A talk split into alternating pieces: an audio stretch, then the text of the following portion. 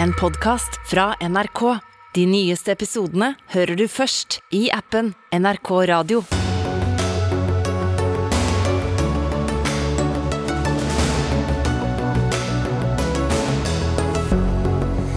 Nå er det vanlige folks tur til også å betale mer i formuesskatt på dyre boliger. Dette går utover folk i nedbetalte boliger i sentrale strøk, sukker Høyre over budsjettet. NRK er blitt for store og for sterke, mener Unge Høyre, som sier de vil vingeklippe NRK. Populistisk svarer AUF, som mener NRK er viktigere enn noen gang. Mens Senterpartiet når stadig nye bunnnoteringer, ser det ikke ut til å gagne partiet de stjal så mange velgere fra, nemlig Frp. Hvorfor ikke, spør vi Aftenpostens politiske redaktør og en av FrPs tidligere stortingsrepresentanter og statsråder. Og er det historien om den gjerrige Scrooge, eller historien om han som ble svøpt og lagt i en krybbe i Betlehem, som er verdens mest kjente julefortelling? Ja, dette er Dagsnytt 18 uh, onsdag. Jeg heter uh, Espen Aas, der vi også skal minne den, uh, minnes den 62 år gamle Sportsrevyen. Men vi starter sendingen med etterdønningene av enigheten om statsbudsjettet, som ble klart i går mellom regjeringen og SV. For folk med bolig som er verdt mer enn 10 millioner, skal nå betale mer i formuesskatt. Og i motsetning til eiendomsskatten, som fastsettes lokalt, så skal dette da gjelde alle. Ifølge Prognosesenteret gjelder dette mindre enn 10% av landets boliger, men likevel er dere irritert i forbundet Huseierne, Morten Andreas Meyer, der du er generalsekretær. Hvorfor? Jeg skal ikke si at vi er irritert, men vi er ganske bekymret. Og det har egentlig ikke så mye med promillesatser og innslagspunkt å gjøre. Men det vi er bekymret for, er at Stortinget to år på rad i sene nattetimer for å finansiere dyre budsjettforlik har tuklet med et skattesystem som har gjort det mulig for vanlige folk med vanlige inntekter vanlige jobber å kjøpe, eie og ta vare på eget hjem. Når 90% av oss i løpet av livet bor i en bolig som husstanden eier selv, så er det som en konsekvens av et skattesystem som bevisst har faktisk favorisert egen bolig. Og det, den verdien som ligger i at folk eier eget hjem, det bidrar til å skape trygghet, stabilitet og eh, velferd for folk. Men de aller fleste får jo ikke denne skatten? Ja, i, i, Der vi er nå, i Oslo, så finner du ikke en enebolig eller en tomannsbolig eller et rekkehus under 10 millioner kroner. Denne skatten slår inn for en helt vanlig toinntektsfamilie som for ti år siden kjøpte seg et helt alminnelig hjem til 5 millioner kroner. Den boligen øh, er nå verdt 10 millioner kroner og er gjenstand for den type formuesbeskatning som stortingsflertallet velger å innføre nå.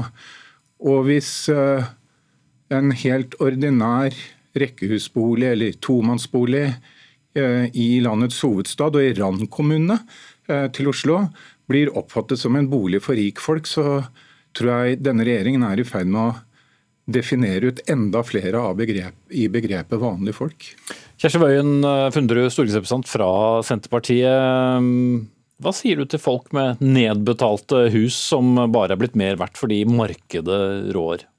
Ja, for det er jo et viktig moment du tar opp der, det med at det skal være nedbetalte.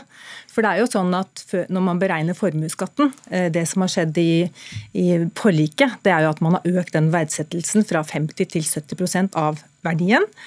Og så får man jo da fradrag for bunnfradraget. Hvis det er to stykker som du nevnte i ditt eksempel, så er jo det 1,7 millioner for hver av de. Og så har du eventuelt gjeld også som trekkes fra. Så det, det er nok ganske dyre jo, jo, men Spørsmålet var uansett det da som er nedbetalt. og Man har jo rukket å få både en ganske god verdistigning og klare å nedbetale veldig mye på, på de siste årene, hvor, hvor markedet har steget mm. enormt i mange norske byer. Hvorfor skal de nå måtte betale? Jeg håper jeg at de ser at eh, de er i en situasjon der de har mulighet til å betale noe mer for at man skal få et omfordelende budsjett som gjør at man kan gi ytelser og skape, skaffe mat og tak over hodet til de som har det vanskeligere enn seg. Nei. Men dette gir deg jo ingen trygghet for en sosial og geografisk omfordeling. eh, det at boligen din er doblet i verdi gjennom ti år, forteller jo ikke noe om betalingsevnen din for å betale skatt er blitt større. Men igjen så er hovedpoenget vårt det er at dere tukler med et skattesystem som det har vært bred politisk enighet om at har vært en grunnleggende forutsetning for at vi har gitt folk med vanlige jobber og vanlige inntekter mulighet til å eie eget hjem. Og med en gang du begynner å tukle med det, da har du åpnet noe som bare kommer til å senke innslagspunktet og øke promillesatsen. Og så rammer du stadig flere med en ny beskatning på bolig, som til syvende og sist kommer til å ramme alle landets boligeiere, uavhengig av hvor de bor og uavhengig av hvor mye boligen er, er, er verdt. For du må være enig... Det det vi peker på, det er at du gjør endringer i et skattesystem som det har vært bred enighet om at det er viktig for å skape velferd for folk. Det gjør dere i sene nattetimer for å finansiere et forlik uten å tenke over og uten å få utredet konsekvensene og se det helhetlig i skattesystemet. Det mener vi er veldig bekymringsfullt okay. og veldig uheldig. Vi skal litt tilbake til det du tar opp der om litt, men Funderud, bare for å være helt klar på det. Du er enig i at dette forteller ingenting om hvor god råd du har eller hvor mye penger du har. Dette handler utelukkende om det markedet mener boligen er verdt, og dermed ligningsverdien, ikke din betalingsevne når du tar opp, eh, betalen, når du tar opp uh, fordelingsprinsippet. Du var innom de prognosesentrene sånn innledningsvis, uh, programleder. Og, og, og, det er en klar sammenheng mellom at du har inntekt og at du har en bolig av den størrelsesorden vi snakker om her. Og Det er jo heller ikke sånn at dette er en ny skatt som er innført en sen nattetime. Dette er en skatt som har etablert som har vært i flere år, og sånn, og så har man da justert på verdsettelses eh, fra 50 til 70% av den totale verdien. Så jeg syns kanskje huseierne dramatiserer litt situasjonen Nei, også. Dette er jo ikke riktig. Dette ble gjort i fjor. Eh, inntil da så hadde alle boliger i Norge, uavhengig av verdi, den samme verdsettelsesrabatten. Dette ble innført, foreslått av Jan Tore Sanner i det siste budsjettet han leverte høsten 2021. Da var innslagspunktet 15 millioner kroner. Dere forhandlet frem et forlik med SV i Stortinget i fjor høst som reduserte det til 10 millioner kroner. Eh, og dette rammer 75 000 skattytere. Det rammer i Oslo og randkommunene. Det betyr at ca. 20% av boligeierne, skattyterne i dette området, får denne ekstra beskatningen som startet i 2021. Og dette kommer til å, dessverre, dette kommer til å fortsette når dere har behov for å finansiere ytterligere budsjettforlik. Og Høyre, men også Kapur, du er stortingsrepresentant fra Høyre. og Det var jo faktisk dere som åpnet uh, denne døren. Var det et signal om at boliger er skattet for lite i Norge? Det var først og fremst eh, en, eh, et forslag for å prøve å vri investeringene over til, eh, fra, fra, eiendom til næring, men det var også derfor vi også et, foreslo et innslagspunkt på 15 millioner kroner. Nettopp for å prøve å skjerme rekkehus, tomannsboliger og småhus i Oslo. Og Det som bekymrer oss veldig med dette forslaget fra regjeringen, det er jo at man, eller forlikspartnerne, er jo at man gjør en oppjustering på 20 prosentpoeng fra et år til et annet, samtidig som vi legger bak oss en tid hvor både strømprisene har gått opp, eh, matvareprisene, bokostnadene i, seg, i, det, i det hele tatt er høye akkurat nå. I Oslo, men også andre storbyer. Og jeg, jeg er klar over at når jeg sitter her og er en politiker fra Oslo, at mange vil tenke at eh, hva i alle dager er det han er bekymret for. Men i de byene det gjelder, så er ikke dette en sånn luksusvilla-situasjon. Disse boligene jeg snakker om nå, de ligger, på, de ligger i Groruddalen, de ligger på østkanten, ligger i Oslo sør områder som ikke er preget av rikmannsvillaer, men helt vanlige rekkehus og familieboliger. Men før Funderud skal svare på det, og det er bekymringen. Morten Andreas Meyer, da, da, vi snakket sammen på telefonen i dag, så var du for så vidt vel så irritert på Høyre, som hadde åpnet for dette i, i utgangspunktet, et parti du en gang var statsråd for. Jeg, sier, jeg er bekymret for at dagens stortingsflertall, som Høyre inngår i, nå er i ferd med å betrakte boligen til folk, hjemmet til folk, som et investeringsobjekt som skal skattlegges på lik linje med andre investeringsobjekter. Folk kjøper bolig for å bo der, skape et hjem, skape en trygg ramme rundt familiens liv. Og det skal ikke være slik at det oppfattes som et formuesobjekt som skattlegges på lik linje med aksjer og obligasjoner. Aksjer og obligasjoner kan du ikke bo i. Og det er også en bred politisk enighet bak den skattefavoriseringen som har gjort det mulig for vanlige folk i Norge å kjøpe, eie og ta vare på eget hjem. Og vi er i ferd med å tukle med det gjennom de skatteendringene som stortingsflertallet gjennomfører på denne måten. Kaput. Vi er enig med huseierne, og nettopp derfor så var det sånn at da vi la frem dette forslaget, så lå innslagspunktet mye høyere, nettopp for å skjerme eh, vanlige boliger. Pluss at vi også har bidratt gjennom våre budsjetter da vi satt i regjering, å få ned terskelen for eh, eller hvor høyt en kommune kan sette eiendomsskatten f.eks. Vi har nå i vårt alternative budsjett lagt frem en pakke på 50 millioner kroner som Husbanken kan bruke for å starte piloter for å hjelpe folk med lavinntekt for å få en større startlåns bedre startlånsordning. Vi tar mange grep, men jeg tror at det vi ser nå, er jo egentlig at, at Senterpartiet går inn for det, er jo greit nok, men at at et eh, parti som Arbeiderpartiet, da, som styrer mange av de store byene, går inn for et slikt forslag, det er ganske forunderlig. For hvis du legger sammen nå bokostnader både på renter, strøm, eh, på skatt og eiendomsskatten, så blir Oslo en enda dyrere Men, men det forutsetter fortsatt at du, at du fortsatt ikke har noe som helst gjeld på boligen din. Så det er jo ikke familier i startup-delen eh, av, av, livet dette handler om. Ja, denne har jeg hørt mange ganger. og La meg bare fortelle litt om hvordan mange har gjort en reisehistorie. Reise Nei, det hørtes så langvarig Det blir veldig kort. Altså, mange flyttet ut til disse boligene i sin tid fordi de kostet ikke så mye. Så har markedet gjort at de, de har økt i verdi. Ja da, den historien Men har vi allerede har ikke hatt en økning i inntekten, og derfor blir denne skjerpelsen urettferdig mot dem.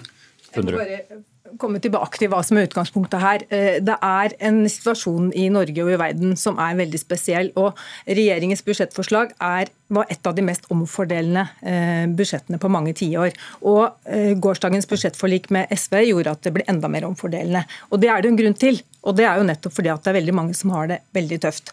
Og Man er nødt til å sette inn kraftfulle tiltak for å redusere levekostnadene til folk, sikre velferd i hele Norge. Og, og vi er også opptatt av å skape trygghet i folks hverdag for jobb og, og hus. Men det som er et tilleggsmoment her du sier Oslo og tilliggende eh, kommuner. Eh, eh, formue er jo ikke bare skjevt fordelt i befolkningen, det er også skjevt fordelt geografisk. Og, og, det at inntekt, formue og muligheter skal være mulig, eller at du skal ha, ha lik mulighet til å et godt liv i hele landet, og at skatte- og avgiftssystemet skal bidra sterkere til sosial og geografisk omfordeling, det er jo vi for. Så jeg mener jo at det skatteopplegget vi har nå, selv om ikke det var vårt primærstandpunkt, det ligger ikke i vårt opprinnelige budsjett og denne økningen, og det kom med når vi da skulle finne hverandre i disse dagene vi har holdt på med budsjettforhandlinger, så er dere enige i det nå. At det er greit. Og det er jo bekreftelsen på hvorfor vi er bekymret. Fordi du har innført noe nytt i boligbeskatningen, hvor det er så enkelt å flytte på de terskelverdiene og flytte på de promillene. Dere la fram, Høyre la fram et forslag i, i oktober i fjor hvor innslagspunktet var 15 millioner kroner og 50% verdsettelsesrabatt. Nå får vi året etter en budsjettforhandling hvor eh, hvor eh, innslagspunktet i fjor ble redusert fra 15 til 10. Nå beholder vi 10 millioner som innslagspunkt, men verdsettelsesrabatten reduseres fra 50 til 30% Så poenget er at Høyre skulle aldri begynt med dette? Høyre skulle aldri, eller Ingen skulle ha begynt med dette, i hvert fall ikke før du har fått utredet helheten i et skattesystem og se på boligbeskatningen. Men, men, hvis noen skal betale mer i boligskatt, så må det vel være de som har de høyeste boligene? De dyreste boligene, unnskyld. Men igjen, Espen Aas, vi har akkurat snakket om at det slettes ikke er nødvendigvis noen sammenheng mellom hva boligen din er verdt og hvilken betalingsevne du har. Tenk deg de eldre menneskene som bor i den boligen de kjøpte for 40 år siden. Deres betalingsevne er ikke tilpasset en virkelighet hvor den boligen kanskje er verdsatt til 15-20 millioner kroner. Det reflekterer jo ikke at de eldre menneskene lever et luksusliv, mm. men de bor i den boligen de har bodd i 40 år, og gjennom de 40 årene så har den boligen gitt en Uh, altså, Boligprisveksten har vært stor, men det har jo ikke gitt dem noe mer i inntekt til å betale. men likevel må du betale for det, Fundrud? Jeg forstår at det er kjedelig å få økt skattlegginga av boligen sin, eh, som koster over 10 millioner kroner. Og jeg er helt overbevist om at ikke alle da lever et luksusliv eller har masse penger til overs. Men når vi var nødt til å gjøre tøffe valg, så er det uansett riktig at vi da tenker at de har en eh, større mulighet til å kunne bære den ekstra kostnaden og at vi derfor til gjengjeld da kunne øke ytelsene til de som har det aller vanskeligst i samfunnet. Men Du er jo med på ytterligere å trekke opp en grense for hva vanlige folk og hva er og hva vanlige folk ikke er. Du sier egentlig til alle de som Det er dine ord. Du sier jo egentlig til alle de som bor, har en bolig som er verdsatt til over 10 millioner kroner, at du er definert ut av det vi betrakter som vanlige folk. Det er folk med vanlig jobb og vanlige inntekter som bor i de boligene i Oslo. Ok, Vi går i ring, og jeg tror ikke du kommer til å bli mer enig i det nå. Kjersti Wøien Funderud, stortingsrepresentant fra Senterpartiet. Morten Andreas Meyer, generalsekretær eh, i Huseierne. Og Mudassar Kapur, stortingsrepresentant fra Høyre.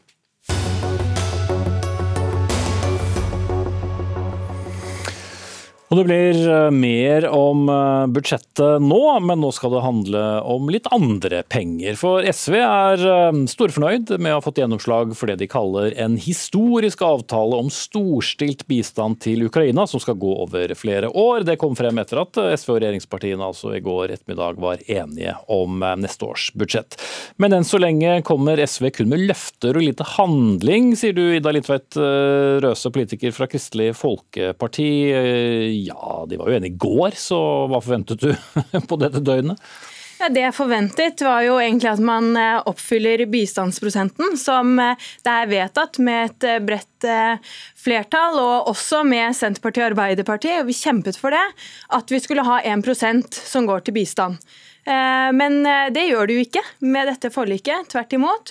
Og så er det i en avtaletekst satt at målet står fast, men så lenge det ikke ligger penger inne, så oppfylles jo ikke målet. Og det er jo om lag 14 milliarder kroner som mangler for å nettopp eh, oppfylle målet. Og i den situasjonen vi står i verden i dag, så krever det mer av oss, ikke mindre av oss.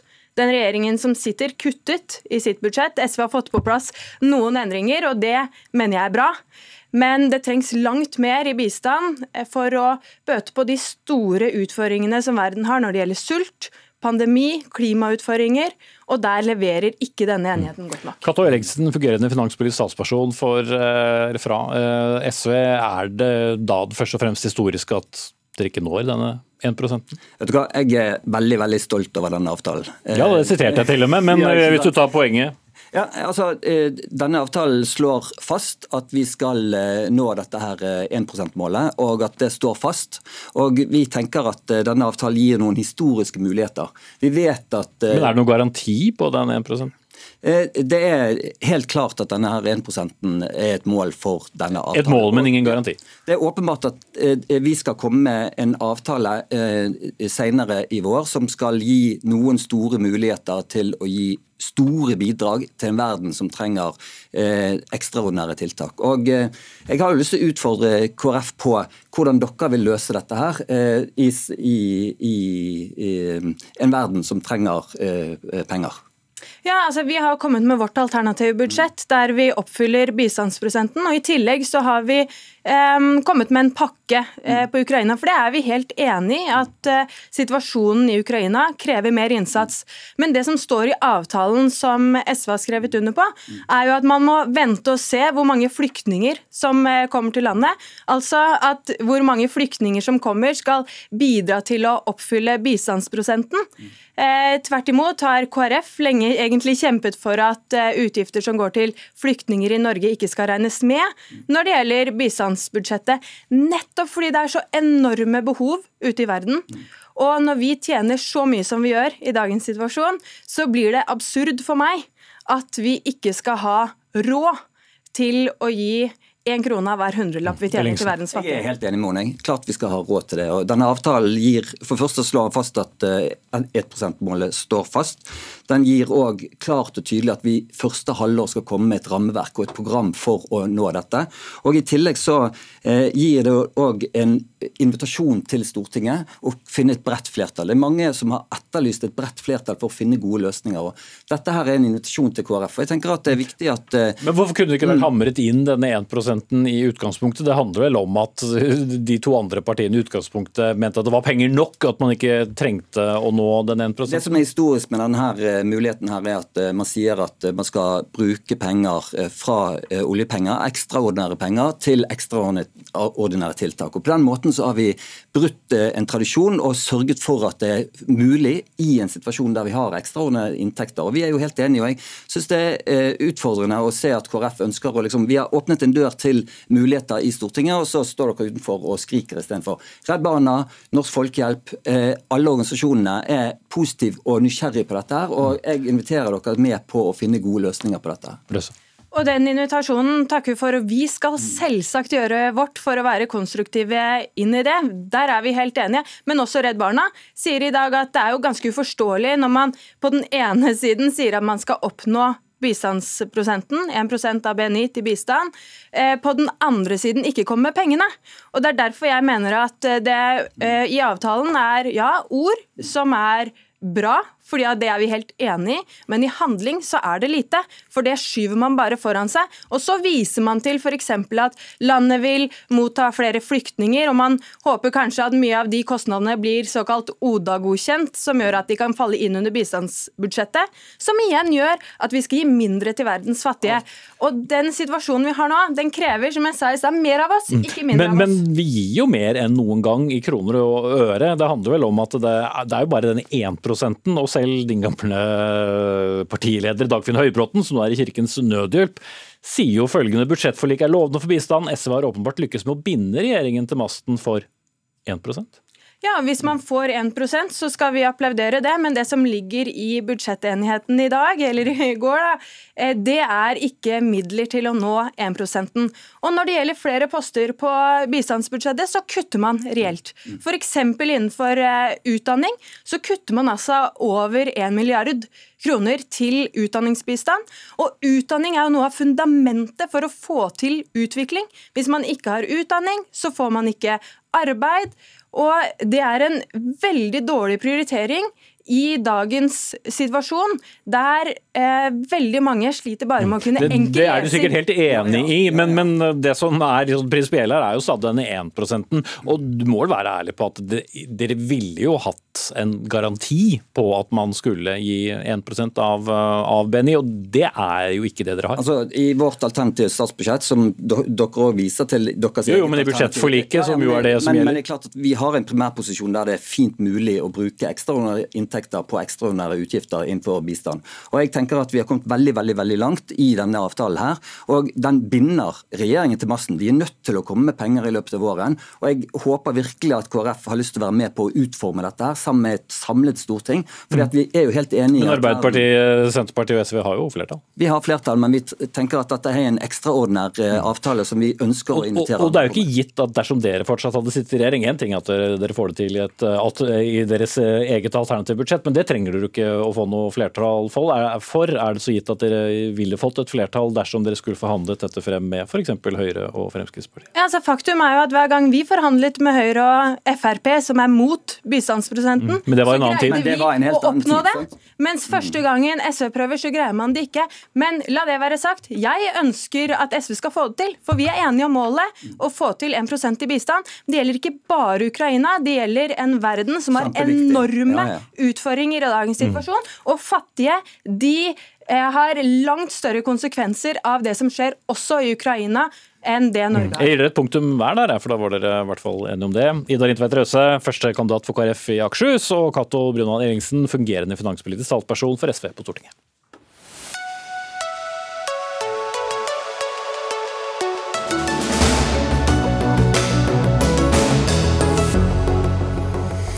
Vi skal eh, hjem igjen til eh, vårt eget eh, hus, faktisk. På en dag da NRK-ledelsen har lagt frem planer om kutt i NRKs virksomhet, så skal vi snakke om kanskje ytterligere kutt. For Unge Høyre mener at NRK bør holde seg til nyhetsformidling på TV og radio. Nå i helgen, helgen snarere, vedtok landsstyremøtet i Unge Høyre en uttalelse om at Rikskringkasteren må reduseres kraftig for å slippe til andre aktører på mediemarkedet. I forslaget ligger det også at deler av f.eks underholdningsavdelingen her i NRK bør kommersialiseres. Håkon Snortheim, første nestleder i Unge Høyre. Hvorfor er dette viktig nå? Nei, altså, eh, Dette handler jo egentlig om at NRKs rolle har blitt ganske dominerende i, medie, i mediebildet. og Vårt ønske er jo egentlig at man skal endre NRK-plakaten, også mandatet politikerne har gitt, til hva, til hva NRK skal være. Og, og Jeg er en av de første til å erkjenne det at det å opprette NRK på på 1930-tallet som en allmennkringkaster. Det var lite kapital og marked, og man liksom trengte en aktør som kunne dra i gang radio og så etter hvert TV. Det var klokt. Eh, men nå, i 2022, så er det massevis av kommersielle aktører som langt på vei klarer å tilby mange av de samme tjenestene du fjerne? kommersielt. Altså, det handler om noen av de eh, tjenestene som er direkte i konkurranse med et velfungerende marked, også der man har VG, Aftenposten, Dagens Næringsliv, Klassekampen, også andre medier som leverer journalistikk på nett, f.eks. Der NRK er en av Norges mest leste aviser, så mener jeg at eh, NRKs rolle kanskje har blitt for dominerende, og på tide å gi plass til andre aktører som klarer å levere dette uten statsstøtte. Fredrik Sørli, sentralstyremedlem med ansvar for mediepolitikk i, i AUF. Eh, er det bra med en så dominerende aktør på nett som NRK? Ja, jeg synes NRK har en veldig viktig rolle i samfunnet, og jeg synes at forslaget fra Unge Høyre er ganske hårreisende. Eh, fordi NRK har jo et ekstremt viktig samfunnsoppdrag i Norge, både med å levere troverdig gratis eh, nyheter, og ikke minst eh, samfunnsaktuelt innhold. Og i en tid der vi ser eh, inflasjon av falske nyheter, eh, kommunikasjonskrig mellom parter eh, om å eie sannheten, og ikke minst mange konspirasjonsteorier, så mener jeg at NRK er viktigere nå enn det det har vært på veldig lenge. Og så er jeg jo frista til å spørre Unge Høyre, som ønsker å kutte i en så viktig samfunnsaktør, hva konkret skal man kutte i? Skal man kutte i distriktssendingene, som gir folk informasjon om nærområdet sitt? Og som er viktig? Nett konkret, da, som f.eks. er i konkurranse også med mange lokalaviser som, som sliter fortsetter å overleve i en tid som NRK får det samme budsjettet mer eller mindre som i fjor. Ja, Da kan man jo fortsette å spørre, skal man da kutte i ungdomssatsingen til NRK på nett? Skal man kutte i viktige samfunnsaktuelle serier som Skam? Jeg mener at det ikke er en forutsetning med kommersialisering for å skape mediemangfold. Jeg mener det motsatte. Og det har jo også Medietilsynet sagt. Og jeg vil gjerne spørre Unge Høyre om det kommer til å gå på bekostning av ungdomssatsingen som er viktig for oss unge, med Skam og andre relevante serier som gir unge trygghet. Tusen takk. Nei, det tror jeg nok ikke, ikke det skal gjøre. og Eh, den Rapporten til Medietilsynet er interessant, men også den erkjenner at konkurransen for NRK har blitt større, eh, eller oppleves større hos de, hos de kommersielle aktørene. Men en av utfordringene med NRK-plakaten er at den fatter ganske bredt, og den er lite konkret. Og så egentlig kan man nesten si at NRK kunne opprettet en papiravis med, med høyde for hva, hva NRK-plakaten eh, viser. Men også en av utfordringene er at NRK de har 13 radiokanaler, de har NRK Mat, hvor de eh, deler oppskrifter ut eh, gratis. De har inngått et partnerskap med influensere som, som Sofie Elise. Det er ganske mye man kan gjøre som også kommersielle aktører kan gjøre i stedet utenfor. Så du vil kutte det også, i tillegg til det? Ja, det hadde jo vært, det hadde jo vært greit. Men altså, en av poengene, da, og jeg skjønner også eh, Fredriks bekymring hva gjelder falske nyheter, god journalistikk. Men, men, hva med de unge, da? For der nevnte du jo faktisk et par ting som, som handler jo, altså, om unge, uavhengig av hva du selv måtte synes om det. Noen av disse rollene er det helt åpenbart at NRK fortsatt skal ha. NRK skal fortsatt være en, en statlig allmennkringkaster som skal hjelpe til med å opplyse, drive med utdanning, eh, ta, vare, eh, ta, vare, på mye viktig kulturarv eh, osv. osv. Men hva gjelder det med, eh, gjelder det med eh, god journalistikk eh, og, og, jobbe mot falske nyheter, så har man med hjelp av også kommersielle aktører opprettet faktisk.no f.eks. NRK leverer god journalistikk, men de siste årene er det også blant de mediehusene som har felt flest ganger i pressens faglige utvalg, så man har på en måte også noen, noen tanker rundt det. Og det er ikke gitt at det kun er NRK som skal ha troverdighet på det. Ja, altså Skal man være en troverdig og god allmennkringkaster, som jeg mener NRK er, så må du ha et variert innhold. Du kan ikke bare vise nyheter, du må også ha underholdning og andre ting som folk opplever som relevante. Eh, og I en tid der hvor veldig mange allmennkringkastere mister fotfeste, så står alternativene mellom skal du ha det fra de redaksjonsstyrte mediene, som har troverdighet, og så i NRK i en særstilling fordi man kan dekke en del saker som de andre mediene ikke kan, fordi det ikke er lønnsomt, eh, og at man har gratis nyheter. Skal du få det fra dem, eller skal du få det fra TikTok, Twitter og andre sosiale mediekanaler der hvor konspirasjonsteoriene florerer. Eh, og nå ser man jo nylig også med Elon Musk som kjøpte opp Twitter og bruker det til sin personlige lekeplass sammen med Donald Trump, så må man forebygge at sånne ting skjer. Og da mener jeg at det å styrke NRK, styrke lokalavisene, er det viktigste man kan gjøre. Men styrker du lokalavisene ved å la NRK være en, eh, en stor aktør i distriktene? Nei, men du må gjøre begge deler. Du må styrke lokalavisene og folks tilgang til informasjon nært seg, og så må du styrke NRK, som har mange distriktssendinger, som jeg frykter blir kutta med Unge Høyre sitt forslag, samtidig som Underholdningsavdelinga. Men er det viktigste å spare spare penger eh, for det offentlige, eller Nei, For oss nå, og det som også står i vedtaket, er det først og fremst formålet å sørge for at de kommersielle aktørene som klarer dette uten statsstøtte, skal få større spillerom. Og så får det heller bare være en bonus om vi kan bruke de pengene på skattelette eller noe, eller noe annet gøy. Men jeg tror nok også at uh, Fredrik undervurderer litt hvordan lokalmediene opplever NRKs rolle også lokalt. Også en av utfordringene med å ha et gratis alternativ sånn som NRK er så bredt, er jo at det uh, gjør det vanskelig for andre aktører å ta brukerbetaling. Det gjør det vanskelig å drive med annonser annonseinntekter. Så jeg tror nok veldig mange av de lokale avisene kanskje også opplever NRK som en utfordring når NRK konkurrerer om det samme innholdet som det de skal ta betalt for. Sorry. Ja, jeg mener at det ikke er noen motsetning. Eh, både å fortsette å ha NRK som en viktig samfunnsaktør, men også styrke lokalavisene. Nå har jo regjeringa bl.a. gitt åtte millioner til å styrke lokalavisenes arbeid, og det er ekstremt viktig. Men så er det jo skremmende i en tid der det florerer så mye informasjonskrig at man skal true med å kutte i NRK. Og Unge Høyre også har jo ikke svarene på hva som kommer til å kuttes. Her kan vi se på enda større kutt enn det eh, man tror. Og da er det jo spørsmålet skal man fortsette å drive med god informasjon og gode serier som Skam og Flus, eller skal man kutte det helt ut og bare bare driver med nyheter, som jeg tror kan i praksis bety en vingeklipping av NRK som en seriøs medieaktør. Og vingeklippet var vel dere brukte i pressemeldingen deres? ja, det er, jo, det er jo litt av formålet. Men jeg vil også bare understreke altså, poenget vårt er at NRK fortsatt skal drive med det som skaper mediemangfold. Men at man skal kutte ut der hvor man er i direkte konkurranse med kommersielle aktører som klarer dette helt fint på egen hånd. Mm. Og hvis vi ikke har NRK, hva i all verden skal folk litt langt opp i årene kunne skrive på Facebook at de har sluttet å se på for lenge siden? Håkon Svartheim, første nestleder i Unge Høyre, og Fredrik Sørli, sentralstyremedlem i AUF.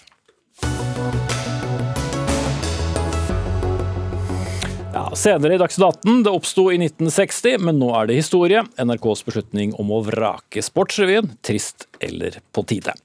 Men nå det burde være gode tider for Sylvi Listhaug, men hvorfor vokser ikke Fremskrittspartiet på meningsmålingene? Det spørsmålet ble stilt av Aftenpostens politiske redaktør Kjetil B. Alstaheim i en kommentar i Aftenposten. For på dagens måling fra Norstat for NRK Aftenposten så får partiet 12,8% i oppslutning. 1,2 prosentpoeng fra valgresultatet i fjor, mens en av hovedkonkurrentene, regjeringspartiet Senterpartiet, er nede på 5,9% på denne målingen, og har falt 7 1,6 prosentpoeng siden valget. Og Alstaheim, eh, hvorfor klarer ikke dette, da? Hvor, hvor blir de av, velgerne? Nei, Velgerne til Senterpartiet går eh, Noen går til Fremskrittspartiet, men eh, mange flere går til sofaen, altså vet ikke hva de skal stemme, og til Høyre. Og det, det, er jo et nederlag for Fremskrittspartiet at de ikke har fått mer ut av Senterpartiets store problemer. Eh, her har du hatt eh, strømpriskrise siden, eh, ja, for et år siden. Du har økte andre priser, du har hatt høye drivstoffpriser. Masse å ta tak i for, av misnøye, som er klassiske ting som Fremskrittspartiet henter velgere på. Eh, og det har de fått veldig lite uttelling for. Mm. Og, og, Litt av poenget ditt er da at eh, Senterpartiet hentet mange av disse velgerne fra Fremskrittspartiet, men de har ikke gått tilbake igjen? De hentet en del velgere fra Fremskrittspartiet. Noe av det som Senterpartiet lyktes med i fjor ved valget, var at de mobiliserte veldig mange velgere som ikke hadde stemt ved valget uh, fire år tidligere. Men det vi, det vi så opp mot eh, valget i fjor, var jo at eh, Senterpartiet utpekte Fremskrittspartiet som en av hovedmotstanderne. Kjørte knallhardt på Fremskrittspartiet for å ha vært med på økte avgifter og den slags. Etter valget så har vi sett at eh, Sylvi Listhaug prøver å ta igjen, og det har hun ikke fått så mye uttelling for. Jon Georg Dale, i dag partner i rådgivningsselskapet First House, der det er mange politikere, men du er også tidligere statsråd og stortingspolitiker for Fremskrittspartiet. Fortsatt Frp-medlem. Hvordan forklarer du at eh, velgerne stoppet opp i sofaen? Nei, For det første tror jeg at potensialet er voksende. Eh, men, men eh, hvis en oppsummerer liksom det siste året, så har jo også Frp vært gjennom store endringer. Altså Partilederskifte vi har hatt de siste par åra. Veldig mange profiler slutta ved valget sist. Bygge nytt mannskap. Og jeg syns de bygger en uh, solid plattform for videre vekst. Og så er det jo sånn at av de velgerne som har forlatt Senterpartiet, så har Frp henta nest flest. Eh, det vil si det sofaen er størst, og så er det Høyre, og så er det Frp. Så der, der går velgere den veien. Så er litt av et FrPs problem de siste månedene våre at en del velgere som kommer fra Senterpartiet, gjør samtidig at du slipper noen velgere til Høyre.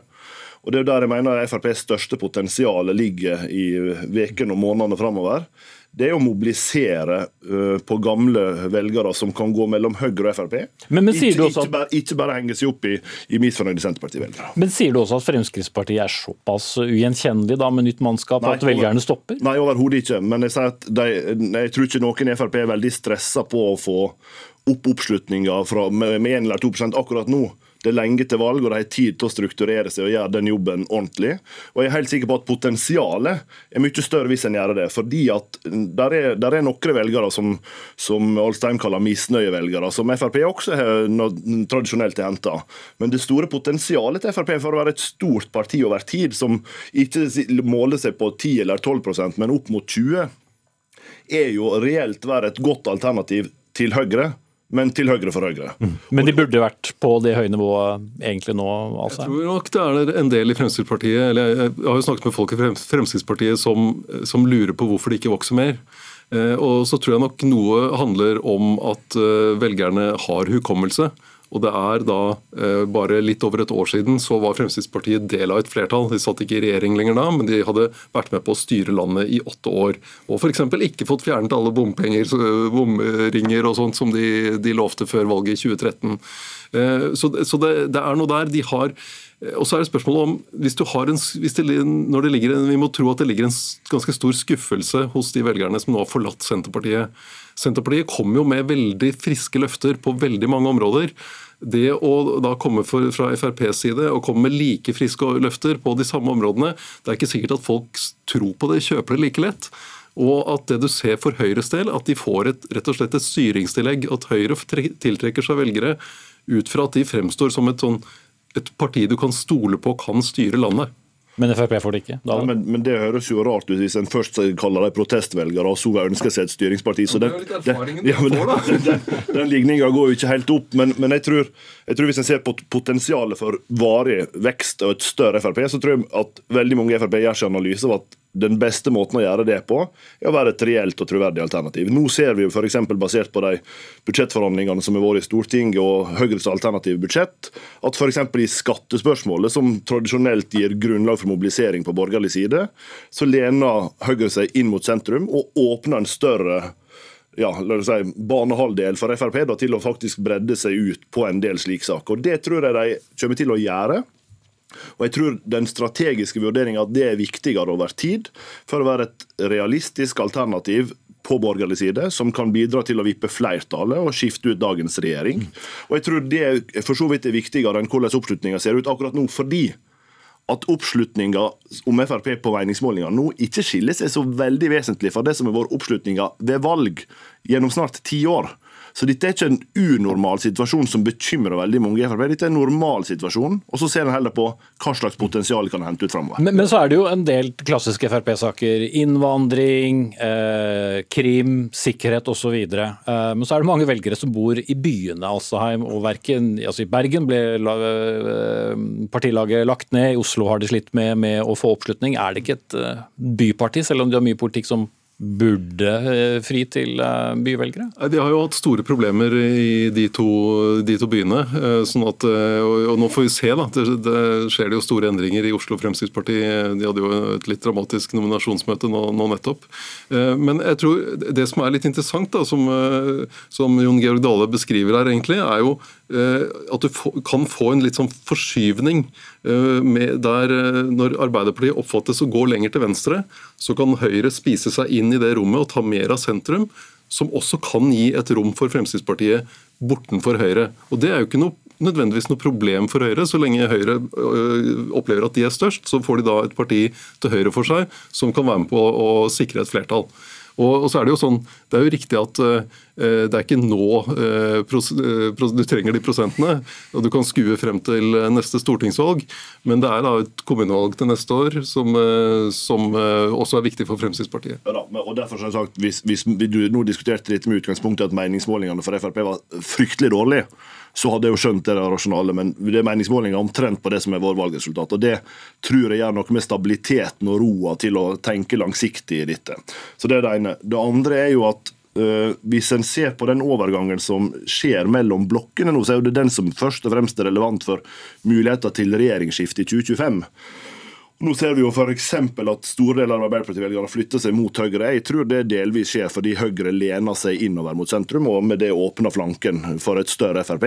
Det mener jeg oppriktig at, at det er et uh, realistisk scenario. Det andre er jo at Senterpartiet taper store velgermasse til gjerdet. Og for de som har studert overgangsmatrise, som uh, hører et forferdelig vanskelig ord, naturligvis, men, men, som tross alt handler om hvor velgerne går, så går de i de aller fleste tilfeller først til gjerdet. Og så er det ikke sikkert de detter ned igjen på det samme partiet, men velger seg et annet da. Gjerdet er det samme som sofaen tidligere ja. i den diskusjonen. Det men, men, men, men, det sentrale med det er jo at uh, så lenge de sitter på gjerdet, så er de også i spill. Og Det tror jeg de aller fleste analytikerne i de politiske partiene vet, også i Frp, at de, de velgerne har ikke bestemt seg ennå. De kan like godt ramle ned på Frp som i Senterpartiet. Og Nå er det jo mange som er der på gjerdet eller i sofaen, eller hvor, hvor, man nå vil si. fordi eh, det er, det er, ikke valg nå. Eh, det er lenge til stortingsvalg. Fortsatt veldig lenge opplever velgerne i hvert fall til kommunevalget, selv om ordførere har stressnivå allerede på dette tidspunktet. Sånn at eh, det er veldig mye som kommer til å skje i månedene fremover.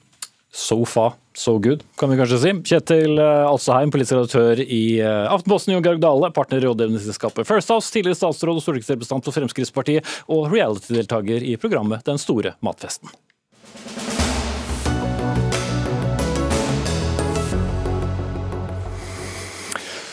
Det nærmer seg eh, jul, det er første advent eh, i morgen, og spiss eh, ørene. Her kommer starten på to historier. Spørsmålet er hvilken av disse er mest berømt? Dette er den ene. Gamle Marley var død, død som en sild. Visste Scrooge at han var død? Selvsagt gjorde han det, hvordan kunne han unngå det? Og den andre? Det skjedde i de dager at det gikk ut befaling fra keiser Augustus om at hele verden skulle skrives inn i manntall. Ingen premie kanskje for å gjette hvert fall den siste, og mange gjenkjenner også Scrooge fra en julefortelling av Charles Dickens, første gang utgitt i 1843 og nå kommet i nyutgivelse fra Kagge forlag.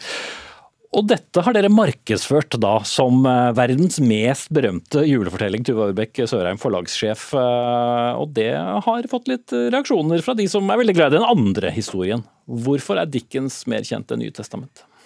Det var jo virkelig ikke for å disse Bibelen at vi gjorde det, bare så det er sagt. Ehm, det var nok fordi vi tenker, har et skille her mellom det vi opplever som fiksjon, altså denne fortellingen til Dickens, og det mange opplever som ikke-fiksjon, nemlig juleevangeliet. Ehm, Går det ikke under sakprosa? Eller? Nei, men det, Jeg opplever det som to helt forskjellige tradisjoner, må jeg bare si. Hvis jeg som forlegger skulle gitt ut et juleevangelium som bok, og så hadde jeg kalt det liksom en fortelling, så ville jeg synes at det var å banalisere den. Så derfor jeg syns det er på en måte to usammenlignbare størrelser. Men det er to flotte tekster begge to. Jeg tenker at de handler om håp og nestekjærlighet, og at de utfyller hverandre veldig fint. Mm. Kristin mm. Gunnleiksrud Råum, leder i Kirkerådet. Du synes jo da, kanskje ikke så sjokkerende, at uh, juleevangeliet er den mest berømte. Men er de helt sammenlignbare størrelser? De er både det og ikke det. Eh, Lukasevangeliet kapittel 2, som er det som vi kjenner som eh, juleevangeliet, er jo også en fortelling. En fortelling kan være både fiksjon og ikke-fiksjon. Eh, og den er jo også en litterær eh, sjanger, eh, nemlig fortelling. Og bør anerkjennes som det. Og så er jeg veldig enig i at de på mange måter er usammenlignbare størrelser. Men hvis man skal se på hva som er verdens mest berømte julefortelling, så finner du nok den i Lukasevangeliet. Mm. Og det er en fortelling? Det er en fortelling fordi man forteller om noe som hendte. Eh, og en fortelling betyr ikke at det er fiksjon.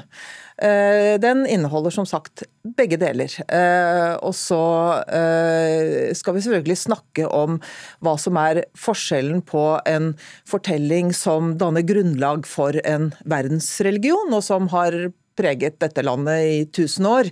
Eh, og eh, noe som er begått av en forfatter, eh, Charles Dickens. En fantastisk fortelling for øvrig. Men juleevangeliet er også en fortelling. Så det enig. Jeg, jeg, at, jeg, tenker at det kanskje er litt sånn flisespikkeri. Jeg tror at mange kan for, forstå hva vi mente også, og skjønne at ikke det var, var ondt ment. Men jeg tror kanskje at Råme hadde en liten sånn agenda da hun gikk ut med dette her i Vårt Land i dag. Førstesiden av Vårt Land, sågar. Ja, ja. Hele førstesiden. De hadde ryddet førstesiden og tre sider inne. Eh, men at det, det kanskje jeg styrer, altså. Nei da, men at det kanskje også var litt for å få, um, for å få oppmerksomheten mot julens budskap og hva den opprinnelig er. Uh, og, og, og, det er jo ingen tvil om at dette er en av grunnfortellingene um, for vår kulturkrets. Men så tror jeg også vi må innse at julen uh, har blitt mer sekulær, og at for folk nå uh, kan oppleve mange fortellinger som noe som vekker jul hos dem.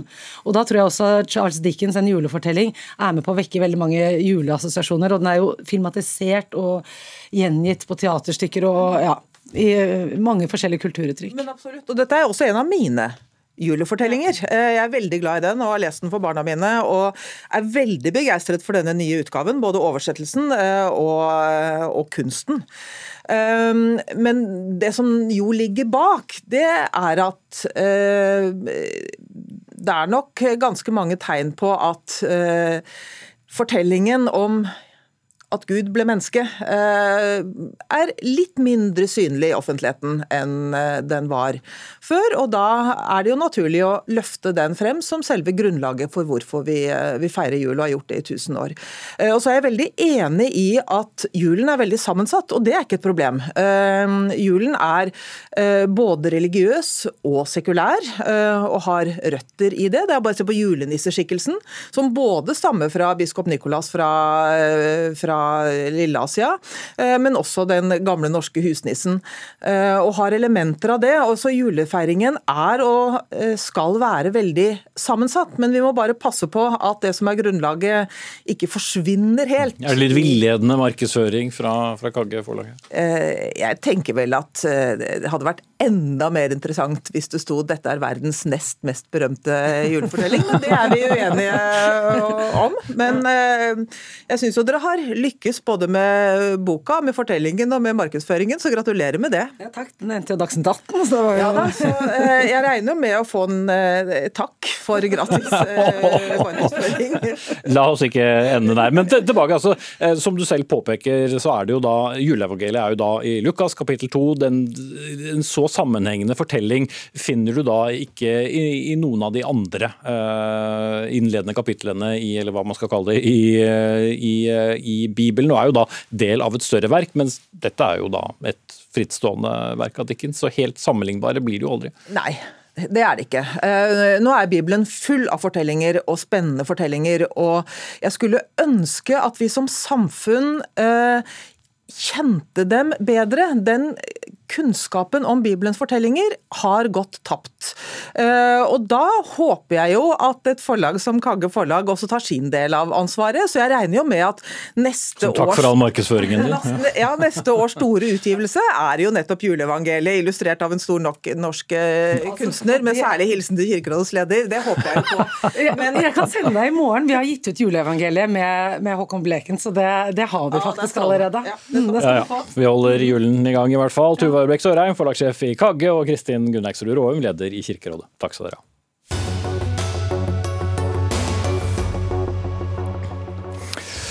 Ja, Så skal det bli storpolitikk eh, og toppmøte som har vært eh, i Berlin i dag, hvor statsminister eh, Jonas Gahr Støre og Tysklands forbundskansler Olaf Scholz nå i ettermiddag har drøftet et Nato-samarbeid for å sikre norske gassrør og annen kritisk infrastruktur.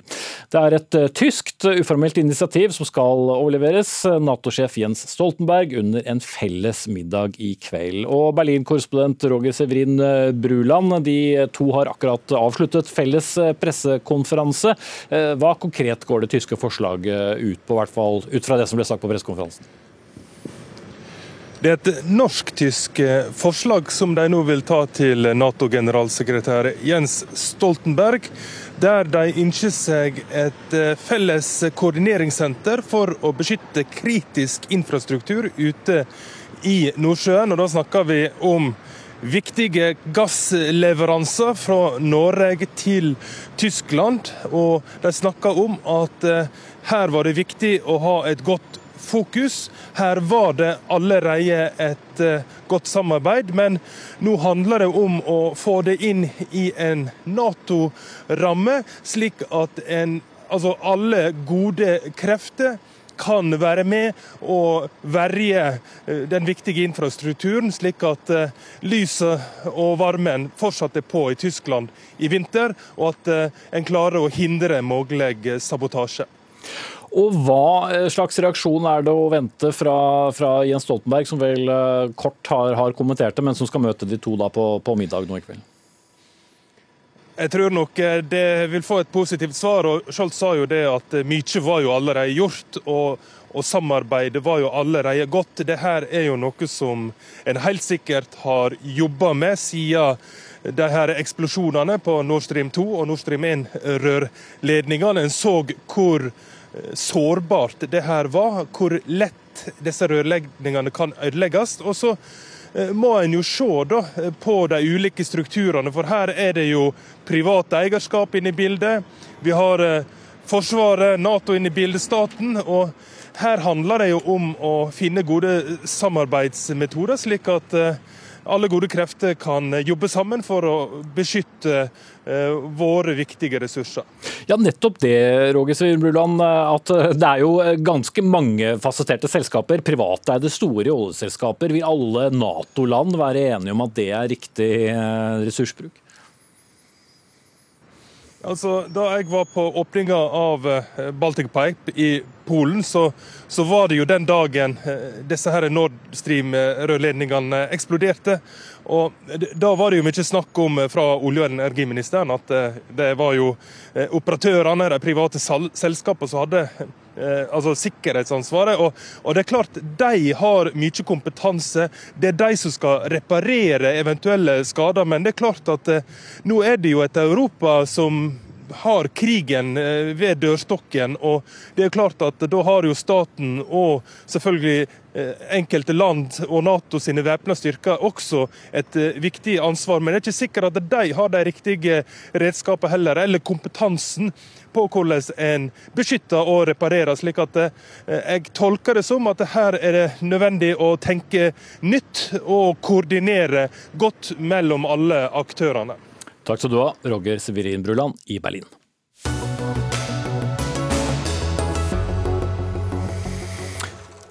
Mange har eh, nok fått med seg at eh, NRKs 62 eh, år gamle flaggskip Sportsrevyen nå pensjoneres, nådd avtalefestet pensjonsalder. og Det har skapt mange reaksjoner på sosiale medier og tradisjonelle medier nå ettermiddag, etter at denne beslutningen ble kjent. Noen har sågar skrevet en nekrolog gjengitt VG, og forfatter er deg, Arve Gjelseth, førsteamanuensis ved Institutt for sosiologi og statsvitenskap ved NTNU. Ehm, hva var din eh, reaksjon over dødsbudskapet? Nei, jeg var vel ikke direkte sjokkert, men det er klart det er jo vemodig.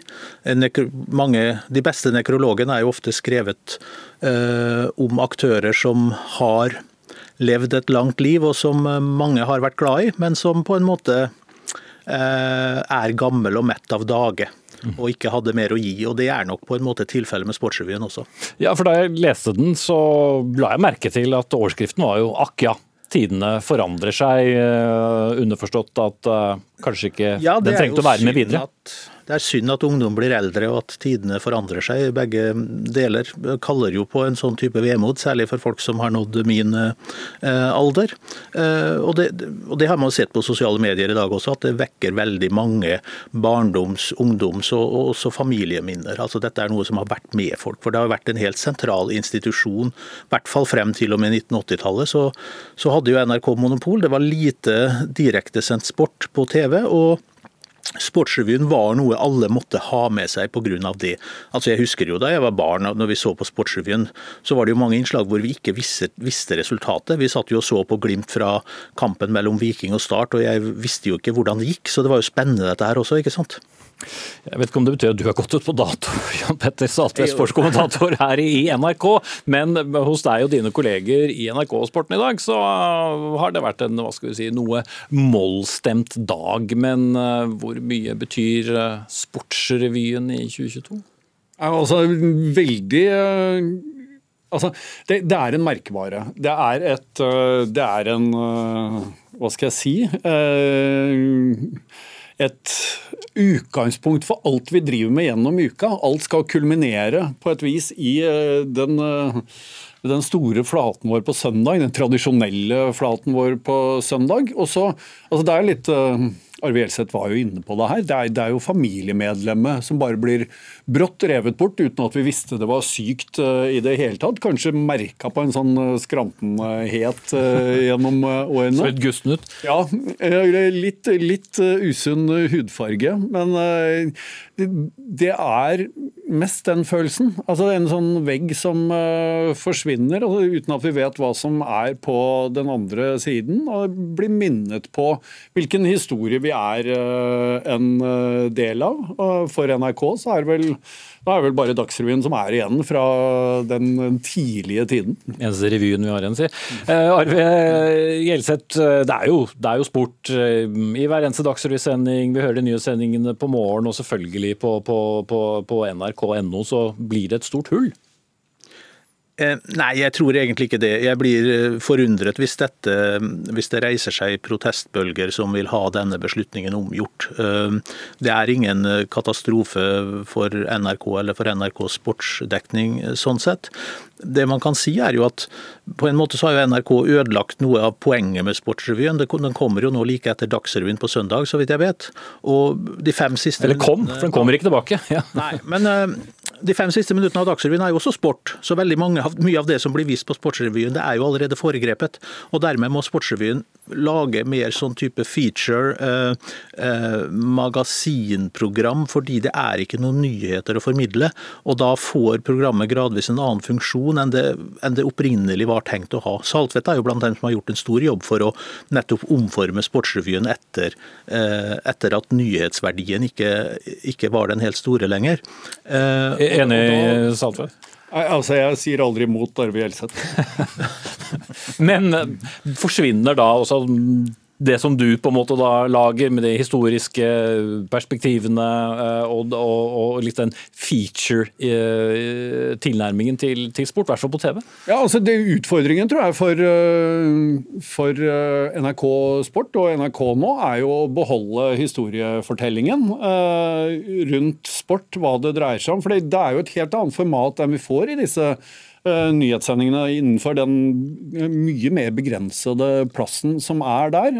Sportsrevyen har jo også vært et sted hvor man har kunnet vise de andre idrettene. Eh, fortelle de andre historiene som krever litt mer plass enn det man har i dette nyhetshjulet som er med oss, om det er på mobiler eller, eller på større skjermer gjennom en uke. Og der, der tror jeg man må endre tankesett. og Sånn sett så trenger kanskje også eh, NRK Sport eh, her nå, og måtte ta en liten sorgprosess for å kanskje komme videre i hvordan vi skal formidle til nye generasjoner som uh, som åpenbart ikke er Arve Gjelseth og meg. Men eh, det er jo fortsatt veldig mange som sitter og ser eh, på Sportsrevyen etter eh, Søndagsrevyen. Så der kommer det nok til å føles som et tomrom fra. Mm. Jeg, har et, jeg har et konkret forslag, og det er at NRK gjenoppliver Knut Nesbøs glimrende program Bakrommet, som var om fotball, men ut, utvider en sånn type program til å eh, behandle sport generelt, med eh, informerte samtaler og gjerne glimt fra ukens sport, det man har rettigheter til, men at man lager nettopp utvikler magasin- og samtaleformen om sport. For eh, det er så lite nyhetsverdi klokka åtte en søndagskveld på det som har foregått eh, om kvelden. og Da må man på en måte tenke på en annen måte. og Sportsrevyen har jo gått i den retningen, og nå får det jo helt sikkert et annet navn. Men at, at det er behov for den type sportssendinger også på NRK, er jeg ikke i tvil om. Og bare for å ha det helt til slutt, da, Jan Petter Saltvedt, det skulle altså bli du som leverte det siste innslaget til den siste Sportsrevyen, for den gikk på lufta 13.11. og kommer ikke tilbake. Superkort. Jeg, hadde jeg visst at eh, det var det jeg gjorde, så hadde jeg kanskje formulert meg på en eh, annen måte. hadde ikke brukt akkurat de ordene som Nei, det, eh, hadde, det, hadde, det, hadde, jeg kanskje ikke. Jeg skulle ønske det ikke var det. Men det er jo en, en ære og en heder på sitt vis, det også. Vi takker for oss. Ansvarlig for sendingen, Anne Katrine Førli. Vegard Erstad tok seg av det tekniske. Jeg heter Espen Aas.